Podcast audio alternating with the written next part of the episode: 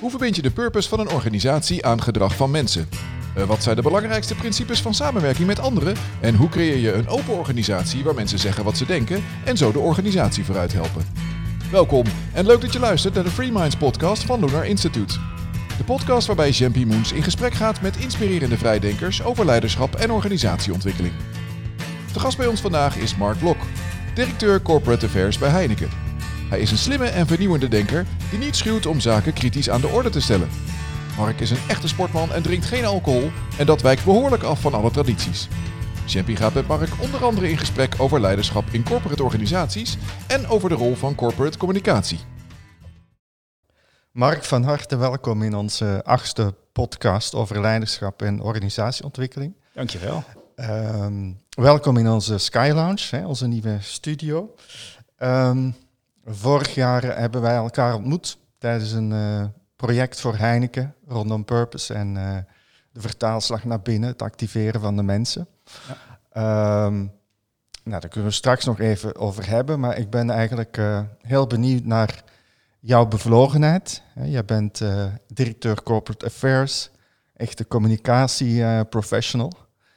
Um, ja, je komt ook van bedrijven vandaan. Voor Heineken werkt je bij IKEA. Uh, Heel benieuwd naar jouw ervaring en daar gaan we het vandaag over hebben. Maar eigenlijk start ik het liefst met wat maakt jou zo een bevlogen uh, worker? Want zo ken ik je. Jeetje, ja, wat maakt mij zo'n bevlogen worker? Nou, dank voor het compliment ten eerste. Ja, ik ben altijd iemand die zegt van, of je doet het helemaal, of je doet het helemaal niet. En ik kan dat ook niet. Toen ik studeerde ook, toen was het al van, ja, ik leer of voor een tien of ik leer niet. Dus ik was altijd super jaloers op die studenten die zeiden, ik doe net genoeg voor dat zesje. En dan dacht ik, ja, ik wou dat ik dat ook kon. En eigenlijk later ben ik erachter gekomen, ja, dat wil ik helemaal niet, want ik ga gewoon all in. Mhm. Ja. ja, dat is wel een beetje wie ik ben. Ja. En hoe ben je als uh, professional? Wat, wat drijft jou? Wat, uh, waar krijg je echt wel energie van? Ja, als ik zie dat de dingen waar we mee bezig zijn, dat het ook impact heeft. Dus niet zomaar de dingen doen om het doen. En ik denk dat ik ook wel ontwikkeling heb gemaakt. Dus eerst was het altijd, heel eerlijk gezegd, ja, dan wil ik ook laten zien dat ik het kan. En de draai die ik heb gemaakt is, ik wil laten zien dat wat we als team kunnen. Ja, en dat is wel heel mooi om te zien, in deze, zeker in deze tijden, wat je dan vanuit de communicatiediscipline echt kan toevoegen aan het bedrijf, maar ook aan klanten. En als je daar dan ook nog de waardering voor krijgt, ja, dan is dat alleen maar een energy boost om mhm. verder te gaan. Ja. En dat toevoegen, waar zit hem dat in voor jou? Waar, wat, uh, wat zijn zo dingen waarvan je zegt van wow, dat is eigenlijk echt heel gaaf om vanuit mijn discipline te kunnen toevoegen? Nou, wat ik, dat zit op een paar aspecten. Ik denk dat, hè, als ik kijk binnen Heineken, hoe kunnen we als managementteam eh, ja, ik bijna, hoe kun je Heineken weer menselijk maken? Dus heel veel mensen verschuilen zich achter de organisatie. Maar als jij als leider je passie laat zien, denk ik dat je daar mensen mee kunt aansteken. Nou, dat zit bij iedereen net wat anders waar die slag zijn van het maken. Maar het zit hem er ook bijvoorbeeld in, een van de aspecten in communicatie is, hoe ga je hele complexe dingen die nu spelen zo simpel maken, dat eigenlijk ja, iedereen het snapt. En als iemand daarnaast dan zegt, oh, is dat waar we mee bezig zijn? Dan denk ik, ja, dan heb je het ook goed gedaan. Dus het kan in hele grote dingen zitten, maar ook in die hele kleine dingen. En dat mensen zeggen, ja, als het zo simpel is, ja, Nou, dan hebben wij ons werk goed gedaan. Ja. ja. Kun je daar een voorbeeld van geven? Uh, kun ik daar een voorbeeld van geven? Nou ja, wat ik wel heel vaak doe, is uh, een van de aspecten in communicatie. Dus ja, ik, vraag al, ik zeg altijd wel van, ja, en als je het nou zou opschrijven, wat zou je dan opschrijven? Want als je erover praat, dan kom je best wel weg met heel veel woorden gebruiken zonder heel veel te zeggen. Ja, maar totdat je dat persbericht wilt maken of tot je dat je die klantbrief gaat schrijven, ja, dan komen de echte discussies op tafel. Dus of het nou gaat om een uh, hè, kwijtschelding van huur in deze tijden voor je horecaklanten, wat een heel complex dossier is. Oké, maar wat is de boodschap aan de klant en wat zou de boodschap zijn die we in de krant willen zien? Nou, daar doe je het niet voor, maar dan gaat het dus wel over als je het zo simpel maakt en ook nog eens je moreel kompas volgt in plaats van alleen maar bedrijfseconomische afwegingen gaat doen. En dat op zo'n manier kan opschrijven dat een klant later zegt, ik voel me gesteund en wat fijn dat je naast ons staat. Ik zeg, ja, dat is wel een, een heel mooi voorbeeld waarvan ik denk, ja, dat voegen wij toch wel waarde toe als uh, corporate ja, Ja. Mooi.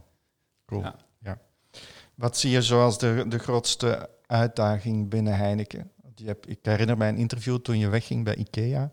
Zei je van, joh, ik ga niet weg omdat ik het niet meer leuk vind, maar ik ben hier klaar. Ik heb gedaan wat ik hier uh, wilde en kon doen. Ja, ik zit nooit ergens voor mezelf. Natuurlijk heb ik de ambitie om het heel goed te doen, maar het grotere doel is nog altijd wel van, hè, vanuit corporate affairs. Ik denk, ja, als je zometeen zulke communicatieve leiders hebt, dat de afdeling corporate communicatie dan niet meer hoeft te bestaan, ja, dan heb je het heel goed gedaan. Nou. Daar bij IKEA uh, waren we vrij ver. Bij Heineken is de grote uitdaging, hoe durven we ons ook af en toe wat kwetsbaarder op te stellen. Mm. Op mensniveau, maar misschien ook wel naar buiten toe op uh, corporate niveau. Toch, uh, ja, Heineken, daar hangt een bepaalde sfeer omheen had ik ook toen ik er ging solliciteren. Denk ik, is dit wel een plek voor mij? En dan mhm. kom ik binnen en dan zie ik de passie van de mensen, hoe ze naast hun klanten staan, hoe ze met die mooie producten bezig zijn. En het enige dat ik dacht, ja, maar waarom weten mensen dit buiten niet? Waarom voelen we dat niet?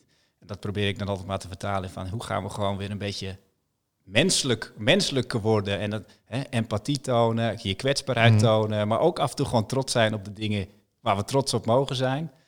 Uh, zonder dat we bang zijn dat dan iedereen, de hele wereld over ons heen valt. Dus dat is wel een uh, Mooi. Mooi grote uitdaging. Ja. ja. Maar wel gaaf. Ja. ja. Je hebt uh, volgens mij in 2013 een boek geschreven over corporate silence. Ja. kop dicht, mond open. Ja. Ja. Um, nou, dat is een aantal jaar geleden. je, je pleit daar onder andere voor de, of de meer openheid en de gevaren van zwijgzaamheid stel je aan de orde. Is dat nog steeds eh, relevant? Of is het sterker nog, is het nog pregnanter, nog uh, urgenter geworden? Hoe zie je dat? Nou, ik denk dat het onderwerp nog steeds belangrijk is. Als ik nu het boek zou schrijven, zou het een ander boek worden. Dan ja? Ik ja, omdat ik mezelf ook heb ontwikkeld. Dus daar was het echt heel erg vanuit communicatie nog gedacht. En wat kun je vanuit communicatie en de learning die ik wel heb gemaakt is, ja, wat kun je vanuit leiderschap doen? Ja, en dan uh, heb je nog steeds zaken die wellicht moeilijker te bespreken zijn of dat mensen hun mond houden, uh, om heel veel redenen. Maar ik denk dat de grootste oplossing zit als je compassie toont als leider en als dat ook kan en als je fouten durft toe te geven, dat het dan allemaal wat opener wordt. En in 2013, ja, dat was ook in de tijd dat ik nog bij een bureau werkte. Dus natuurlijk denk je dan vanuit de communicatiebril. En ik denk dat mijn eigen scope veel breder is geworden. Mhm. Maar dat het onderwerp niet minder belangrijk is geworden. Nee. En waarom, waarom denk je dat? Wat, wat zie je zo rondom dat thema in organisaties? Nou, een heel mooi voorbeeld uh, is dat je als leider hè, heb je heel vaak uh, oog voor strategie, inhoud, proces. En dat had ik zelf ook. En als je dan, uh, nou dat is de persoonlijke vraag wat ik wel eens met jou heb gedeeld, van de verbinding niet hebt, in dit geval met mijn zoontje, dat je zoveel strijd hebt dat je denkt, ja, hoe mhm. kan dat nou? Uh, waarom is er geen verbinding? Nou, dat kwam omdat ik op een heel andere as zat dan hoe hij in het leven staat. En wat ik daar als leider heb meegenomen, dat je kunt nog zoveel willen, maar als die verbinding er niet is, ja, stop dan maar. Dus uh, ja, het gaat er vaak niet over wat je zegt, waar je als leider heel veel mee bezig bent. Wat, wat, wat. Nee, maar hoe zeg je het en mhm. hoe sluit je aan bij de ander? En wat we nu zien in de COVID-19-crisis is dat als je gewoon even een belletje pleegt met een collega random, zonder het overwerkt te hebben, dat er dan opeens heel veel op tafel komt. Mhm. Nou ja. ja. Ik denk dat dat een les is die ik hoop vast te houden. En uh, dat je zegt, ja, soms moet je gewoon even dat andere praatje maken om vervolgens een heel scala aan onderwerpen op tafel te krijgen. Ja. Want die moeten, moeten mensen zich wel gehoord voelen en veilig voelen. En daar moeten we meer aandacht aan besteden. Zeg je daarmee dat, we, dat veel leiders dat uh, wel belangrijk vinden als je zegt, ja, we moeten beter verbinden en daar beter skilled in worden. Maar dat het toch niet urgent is of zo? Dat ze denken van, joh, die, die processen en die, die resultaten, dat, dat is toch uh, belangrijker. En, en als, nou, als het nog gezellig kan, dat is leuk voor de bij. Nou, ik denk dat het iets verder gaat dan gezellig. Dat zou ook leuk zijn, maar het hoeft niet altijd gezellig te zijn. Ik denk dat als je het goed doet, dat je ook op een goede manier met elkaar moet kunnen knetteren. Mm eventjes die strijd wel hebben. Uh, waar het er volgens mij meer in zit, is van, ja, we vinden het belangrijk, maar hoe doe je het dan? Wat mhm. moet ik dan dagelijks doen? Dus Ja, je kunt naar een trainingsprogramma gaan en dan krijg je alle handvatten. En dan kom je de weekend erna op maandagochtend bij het team. Oh ja, in die training ging het echt heel goed. Maar wat, moet ik, wat kan ik nou anders doen? Ja, dat, eh, ja, dat heb ik aan de lijve ondervonden. Dat gaat met ups en downs. Kost super veel energie. Ik, dus ik denk dat je dat doelgerichte, die strategie niet moet loslaten. Maar dat je er wat meer in die mix moet toevoegen. En dat is ook wel eng. Ik Ja. vond dat ook heel eng Ja. om te doen. Ja. Als je dan een paar succesjes ziet, dan denk je, hé, hey, Ja, het werkt wel goed. Ja. Dus het laten zien dat het werkt. En ik denk dat het... En mensen hebben het over, wa- hè, wat zijn goede leiders? Is, ja, als je je kwetsbaar durft op te stellen, dat vraagt zoveel lef. Mhm. Ja, Ja. je moet je dat wel durven tonen. Mooi, mooi gezegd. Eh, we gaan even eh, naar onze huisfilosoof Ignaas eh, luisteren. Ehm, hij heeft een inbreng over eh, corporate silence, over zwijgzaamheid. Dus daar gaan we even naar luisteren. Ik ben benieuwd. Goedemiddag, mijn naam is Injas de Vis. Ik ben professor medische filosofie eh, en ethiek aan de Universiteit Gent. Ik ben zeer benieuwd naar de podcast ehm, met Mark Blok. Ik heb helaas zijn werk nog niet gelezen, maar het thema interesseert me heel eh, sterk. Het verband tussen, zeg maar, ehm, een bepaald soort van zwijgcultuur en dan de zoektocht naar wat precies aan die cultuur te grondslag ligt. En dan specifiek ook nog hoe slagen we erin om die, om die zwijgcultuur te doorbreken. En eh, dat is meteen een van de vragen waarop ik eh, ja, graag het antwoord zou eh, weten. Als we spreken over een bepaald soort van zwijgcultuur, gaat het dan om eigenschappen van mensen of gaat het om de organisatiecultuur in een bepaald bedrijf? Is er een soort van wantrouwen aanwezig? Durven mensen niet te spreken? Uh, hebben ze al gesproken en zijn ze het afgeleerd omdat duidelijk blijkt dat het niet wordt geapprecieerd en zo verder. Dus ik denk dat het zeker van belang is om te kijken en te zoeken naar de reden waarom mensen uh, zwijgen. En dan om een beetje de, de tegendraadsvraag uh, te stellen, die misschien ook wel van belang is. Is zwijgen per definitie slecht? Uh, er, wordt vaak ook veel gepraat om de ruimte te vullen. Omdat de stilte ondraaglijk is of omdat het lijkt alsof uh, zwijgen slechter is dan spreken. Dus niet, niet, en dat sluit denk ik wel een beetje aan bij jouw uh, werk. Hè? er wordt veel gecommuniceerd, maar heel weinig gezegd.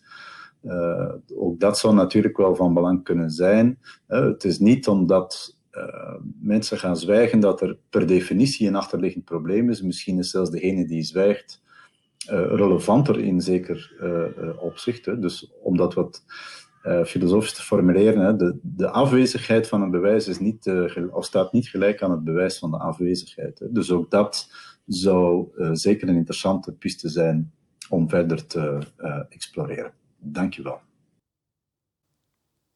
Zo, dat waren veel vragen in één. Volgens mij was de eerste vraag, is het iets persoonlijks of is het iets in de organisatie? Natuurlijk heb je introverte mensen, extroverte mensen. En ben ik het ermee eens dat de stille mensen soms, hè, they have the loudest minds. Dus hoe geef je nou ruimte aan mensen die van nature niet zoals zichzelf durven te uit te spreken? Dat is één. Dat we daar de waarde van toe, aan toekennen. Dus heel vaak gaat over diversiteit. En dat zit hem ook in dat soort eigenschappen. Mm-hmm. Wat zijn de mensen die heel veel in hun hoofd hebben omgaan, zonder dat ze het meteen zeggen? Hoe geef je die nou de ruimte? En toch denk ik dat de belangrijkste uh, uh, oorzaak uh, meer op organisatieniveau ligt. En dan vroeg je, wat zijn redenen? Nou, dat zijn best wel wat redenen. Maar het is wel interessant om te denken, hoe kun je dat doorbreken? En volgens mij gaat het over een organisatie omgeving creëren waar mensen zich veilig voelen, psychologisch veilig voelen. Waar je van nature nieuwsgierig bent. Hè? Dus niet die managers die brainstorms organiseren met het antwoord al in de achterzak, maar meer om te zeggen, kijk eens wat we met z'n allen hebben bedacht. En dat er toch uiteindelijk je eigen oplossing neerzetten. Nee, dan moet je dus als manager ook echt durven loslaten ja. en ook echt iets omarmen wat uit de groep komt. En het derde punt is, dat gaat heel erg over consistent zijn. Dus mm-hmm. wat zeg je?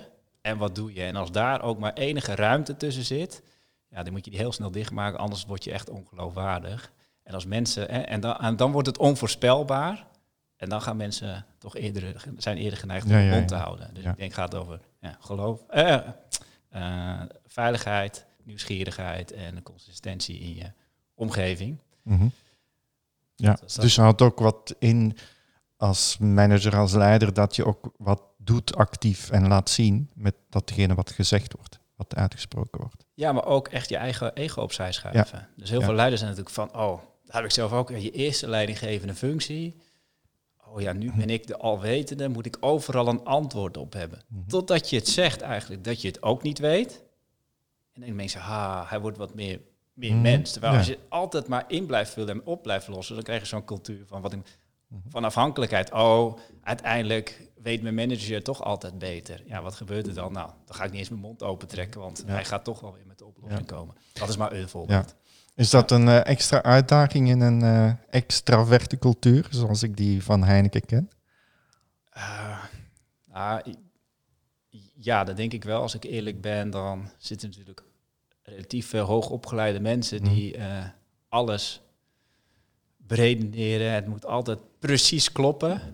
En dan ben ik toch af en toe een beetje de vreemde eend in erbij. Dat ik denk, nou ja, het kan ook voor 80% kloppen. En dan gaan we het gewoon doen en dan gaan we al doen leren. Maar dat betekent wel dat je dus niet bang hoeft te zijn om op je mond te vallen. Mhm. En het fout te gaan en daarvan te durven leren. Dus ja, van je fouten leren en die ook toegeven. Dat zou wel, eh, Ja. daar kunnen we iets meer mee, denk Ja. ik. Ja. Ja, mooi. Mooi. Nou, we hebben vorig jaar eh, en een stukje dit jaar gewerkt eh, aan het concretiseren van de purpose, aan het ook internaliseren, laten landen op de werkvloer Ja. bij Heineken Nederland. Ehm, wat heb jij daar gezien? Wat waren jouw belangrijkste inzichten eh, op het moment dat we eigenlijk met die hele organisatie aan de slag gingen? Vaak ook met mensen die die dat voor het eerst deden om zo over hun eigen gedrag te reflecteren. Nou, dat was volgens mij de eerste learning. Dat je normaal zie je bedrijven dit doen met de top of misschien de laag onder de top. Maar dit was voor het eerst dat je dat met de hele organisatie doet. Dat heeft super veel waarde. Eh, en juist, ik denk dat je juist van de mensen leert die dagelijks bij de klanten over de vloer komen, dan eh, de mensen die eh, op hoofdkantoor werken. Ik denk dat dat een hele goede wisselwerking was. Wat heb ik ervan geleerd ook, is dat je daarna wel moet durven doorpakken. Dus het niet op zichzelf moet staan. En als het gaat over purpose, heb ik ook echt geleerd dat dat echt dicht op je business moet zitten. Dus je, je wil, en natuurlijk zijn er heel veel dingen in de wereld waar je heel veel aandacht voor wilt hebben. Maar zijn er ook een aantal punten die, ja, die van ons zijn en waar wij mee aan de slag willen. Eh, dus toen heb ik ook wel geleerd van, hey, waar, ik heb heel erg geleerd toen van, hey, waar staat dat bier eigenlijk voor? Wat voor product is het anders dan dat ding, eh, dat eh, spul wat uit een tap komt? Ja, daar staat al het sociale smeermiddel, mensen met elkaar verbinden. En toen ik solliciteerde bij Heineken had ik dat helemaal nog niet eens zo op het netvlies. Dus dat ze daarmee bezig waren, vond ik wel heel mooi. Mhm. Ja. Ja. En wat je dan ook ziet, is dat er dan 101 ideeën ontstaan. Dat je denkt, ja, maar misschien wijkt dit wel heel erg ver af van waar we als core business van zijn. Dus heeft het ook wel geleerd dat je ook daarin weer keu- keuzes durft te maken. Van oké, eerst heel breed, wat allemaal eigenlijk onderzoeken. Wat is dit allemaal? Om vervolgens keuzes te maken. En dan gaan we dit ook daadwerkelijk doen. Want ik ben ook wel van de school, eh, en het is heel gek als een communicado zoiets zegt, maar het verhalen vertellen, daar word ik altijd wel een beetje moe van. Mhm. Want de, de mooie verhalen vertellen, ja, dat is heel leuk. Maar ik heb vooral dat we heel veel dingen gaan doen, zodat het zo gaaf is dat andere mensen erover gaan vertellen, in plaats van dat wij van WC 1 gaan vertellen hoe gaaf we zijn. Eh, dus dan, ja, dus daar veel meer energie in stoppen, in plaats van over het proces gaan communiceren, gewoon concreet dingen gaan doen. Ja. Dat heb ik er ook van geleerd, dat dat veel, heel veel waarde heeft, want dan gaat het leven. Mhm. Dan gaan mensen het geloven. Ja. ja. Mooi. En, en rondom leiderschap, want dat was ook aan de orde. Ja, rondom leiderschap. eh, ja, ik vind het altijd is best wel een zwaar woord. Vind ik, oh, leiden. En dan heb je een bepaald beeld bij. Terwijl ik denk, ja, als je gewoon als mens opstelt. eh, naast je collega's gaat staan of naast je klanten gaat staan. En af en toe de moeilijke besluiten durft te nemen. zodat de focus is in het bedrijf. Dan is het toch niet zo'n heel moeilijk trucje. Ja. ja. Nee, nee. Nou, je hebt het zelf al de- eh, gehad over vermenselijking. Dat is ook de filosofie van waaruit we bij, bij Lunar en Fresh Forward werken. Wij geloven dat de organisaties steeds menselijker zullen worden. En Ja. ook moeten worden als ze goed willen blijven presteren. Ehm, dat komt ook neer op de, de, steeds de goede verbinding maken tussen wat je als bedrijf ambieert, hè, je, je strategie, en de, het binnenwerk, zeg maar. Hè, de, de, Ja. de inner game, de mensen, de talenten. Er is heel veel literatuur over de laatste jaren. Eh Brené Brown hebben we het ook over gehad, hè, Ja. kwetsbaarheid. Eh Frederik Laloux, hè, die een mooi boek over reinventing organizations, hè, de ho- holacratie. Ehm, hoe zie jij dat? Is, dat? is dat een trend die weer misschien wel weer overwaait? Of, of is hier echt wat eh, aan het veranderen in organisaties? En dan moet ik natuurlijk niet mijn eigen ervaring gaan projecteren op, eh, op een trend. Maar ik zie wel dat er steeds meer mensen bezig zijn met dat verbinding maken. En ja, sommige mensen die wil je heel directief aansturen. Want Mhm. dat, ja, dat vinden ze heel fijn. Dus dat is een creativity in een framework. Ja? Andere mensen we hebben we juist heel veel structuur nodig. En weer anderen willen zeggen, ja, maar hoe past het in onze visie in? Wat zijn onze waarden en normen? En ik ben zelf weer iemand van, ja, en hoe gaan we hier dan ook concrete acties aan koppelen, zodat het ook, dat we ook iets gaan doen? Nou, volgens mij heb je daar zo heel veel verschillen in. En als leider is het de kunst om te kijken van, oké, maar wat is nou de ingang bij deze specifieke collega om die connectie te maken? Mhm. En bij de ene is het heel erg directief, bij de andere juist heel erg vragen. Eh, Mensen die een hele, hè, dus bijvoorbeeld op duurzaamheid, hebben veel mensen altijd een hele sterke visie. Hoe ga je en, en ik ben juist heel erg actiegericht. Dat ik denk, ja, maar dat stuk moet ik niet overslaan. Mhm. Dus hey, wat vind jij belangrijk? En dan die doorvertaling maken. Dus ja, dat kost veel energie. En eh, waar ik voorheen hè, de kopjes koffie of dat soort gesprekken dacht van, oké, kan het even sneller? Dacht ik, ja, maar dat is wel, als je daarin investeert in het begin, dan heb je zo'n connectie, ja, en dan is het. Dan kun je ook beter op elkaar vertrouwen. En eh, binnen Heineken hebben we ook wel op de, ja, de metafoor van eh, een estafetteloop. Eh, dus wat je normaal ziet, ah, er is geen verbinding of we moeten meer samenwerken. Dan betekent dat vaak oh, nog meer mensen bij de vergadering. En dan zie je hoe we met elkaar connecten, wat een soort van schijnvertoning is, soms. Terwijl je zegt, ja, als je een estafette loopt, ga je niet de 4 keer 100 meter doen met handje vast met z'n vieren naast elkaar. Want dan loop je 1600 meter, dat is ook niet effectief. Mhm. Maar als je nou vertrouwt op elkaars expertise, als je weet hoe willen we beginnen, waar, op welke punten werken we echt samen en wat is het einddoel, ja, dan gaat iedereen op zijn specialisme rennen en dan ren je echt 4 keer 100 meter Ja, ja, ja. en dan ben je minder moe en dan ben je een stuk sneller bij de finish. Ja, Ja, cool. Ja. ja, zo maak je het ook heel resultaatgericht. Ja. ja want ik denk dat het niet een vies woord is om Nee. resultaatgericht Nee. te zijn. Nee. Nee. Nee. Dat is heel belangrijk. Brengt mij tot, eh, tot een van de vragen over de paradoxen die ik in heel veel organisaties zie. En je zal hem wel herkennen, de, de paradox tussen aan de ene kant de rationele controle. Hè, Ja. Zorgen dat alle, alle KPI's eh, in beeld zijn, eh, korte termijn resultaat. eh, versus de focus op menselijk kapitaal, op energie, op bevlogenheid, op creativiteit. Wordt heel vaak, als wij in gesprekken zijn, gezien als een, een tegenstelling. Hè. Ja. Zie jij dat ook? Herken je dat? En eh, wat is je visie daarop? Ja, volgens mij gaan ze hand in hand. Ja, Dus eh, ja, dat, eh, ik zie die tegen, maar ik merk die tegenstelling zelf ook niet. Alleen dat je merkt van, hé, hey, nu gaat de discussie veel meer de ene kant op, K, KPI's, et cetera. Dan denk ik, oh, maar wacht eens eventjes, dan moet die, die balans er- erin, ook richting de mens.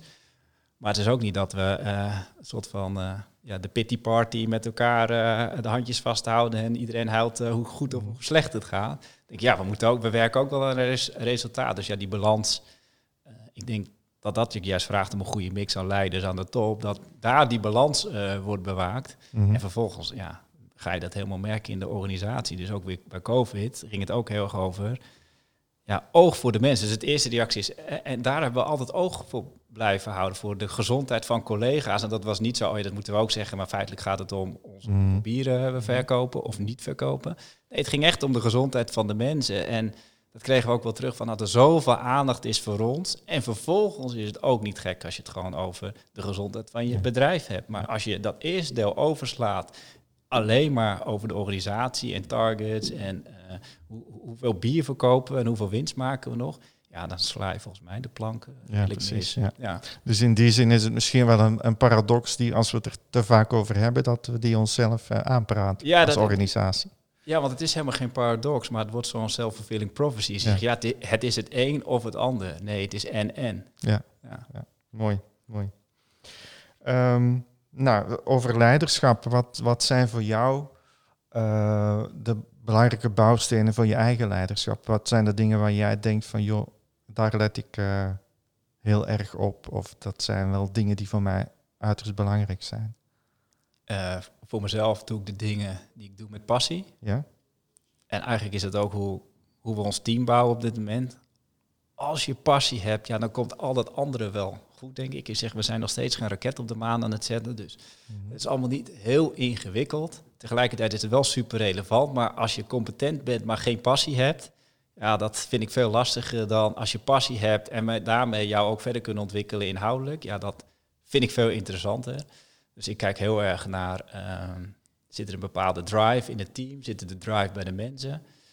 En heb ik de eigen drive nog? Dus, en dat is ook wel eens lastig geweest, zeker in deze periode. Want ik heb ook wel de feedback van mensen om me heen nodig. Of eh, eh, dat ik op, ergens op kan reageren. Mhm. En dan zit je opeens in je eentje achter een uh, scherm en dan heb je contact. Maar mhm. het is nog niet echt contact. Uh, wat vind ik nog meer lastig, of waar moet ik mezelf steeds bij de haren bijtrekken, is dat ik ook niet alles weet. Mhm. Dus als crisismanager ja, moest je besluiten nemen op 50% uh, van de informatie. Ja, dat kan ik heel stevig gaan doen. En zeker omdat ik nog vrij nieuw ben binnen Heineken, dacht ik, ja, nu moet ik mezelf echt bewijzen. Maar juist niet.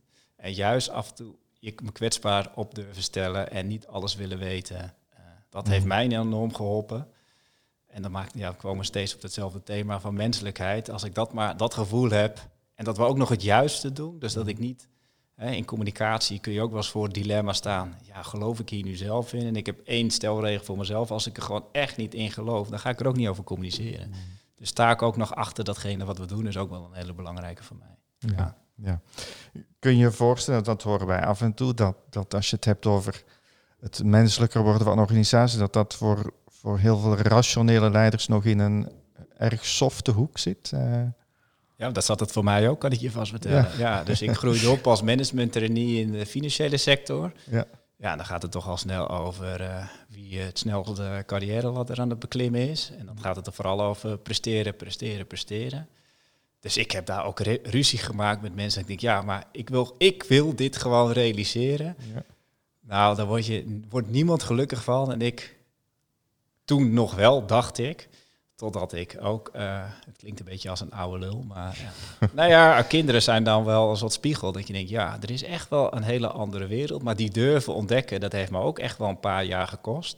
Mhm. Maar heeft me ook, ik wist ook niet dat die wereld er was. Die van het gevoel, die van uh, mensen die oog hebben voor de persoon en dan pas voor de professional. Ik dacht gewoon, je hebt gewoon een strategie, je hebt een doel. En mm. op zo'n creatief mogelijke manier gaan we daarheen. Maar dat zat ook niet in, in mijn opleiding of zo. En ik heb het ook niet van huis uit meegekregen, dacht ik. Mhm. Totdat ik later ging reflecteren op wat mijn vader me wel zei van... Uh, ja, maar er is een verschil tussen gelijk hebben en gelijk krijgen. En toen dacht ik altijd, ja, het zal wel.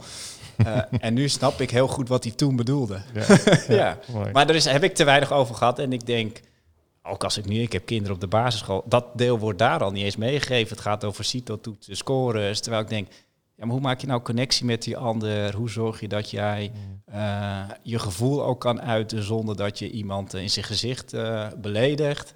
Ja, dan denk ik, ja, het wordt heel erg cognitief, maar dat andere mag echt wel wat meer aandacht hebben. Ja. Mooi. Mooi gezegd, ja. Nou, zijn we aanbeland bij de, de laatste vraagjes uh, die ik aan elke gast stel. Ja. De eerste is, uh, wat zou elke leider volgens jou moeten weten of doen? Wat moet je weten of doen? Uh, ja.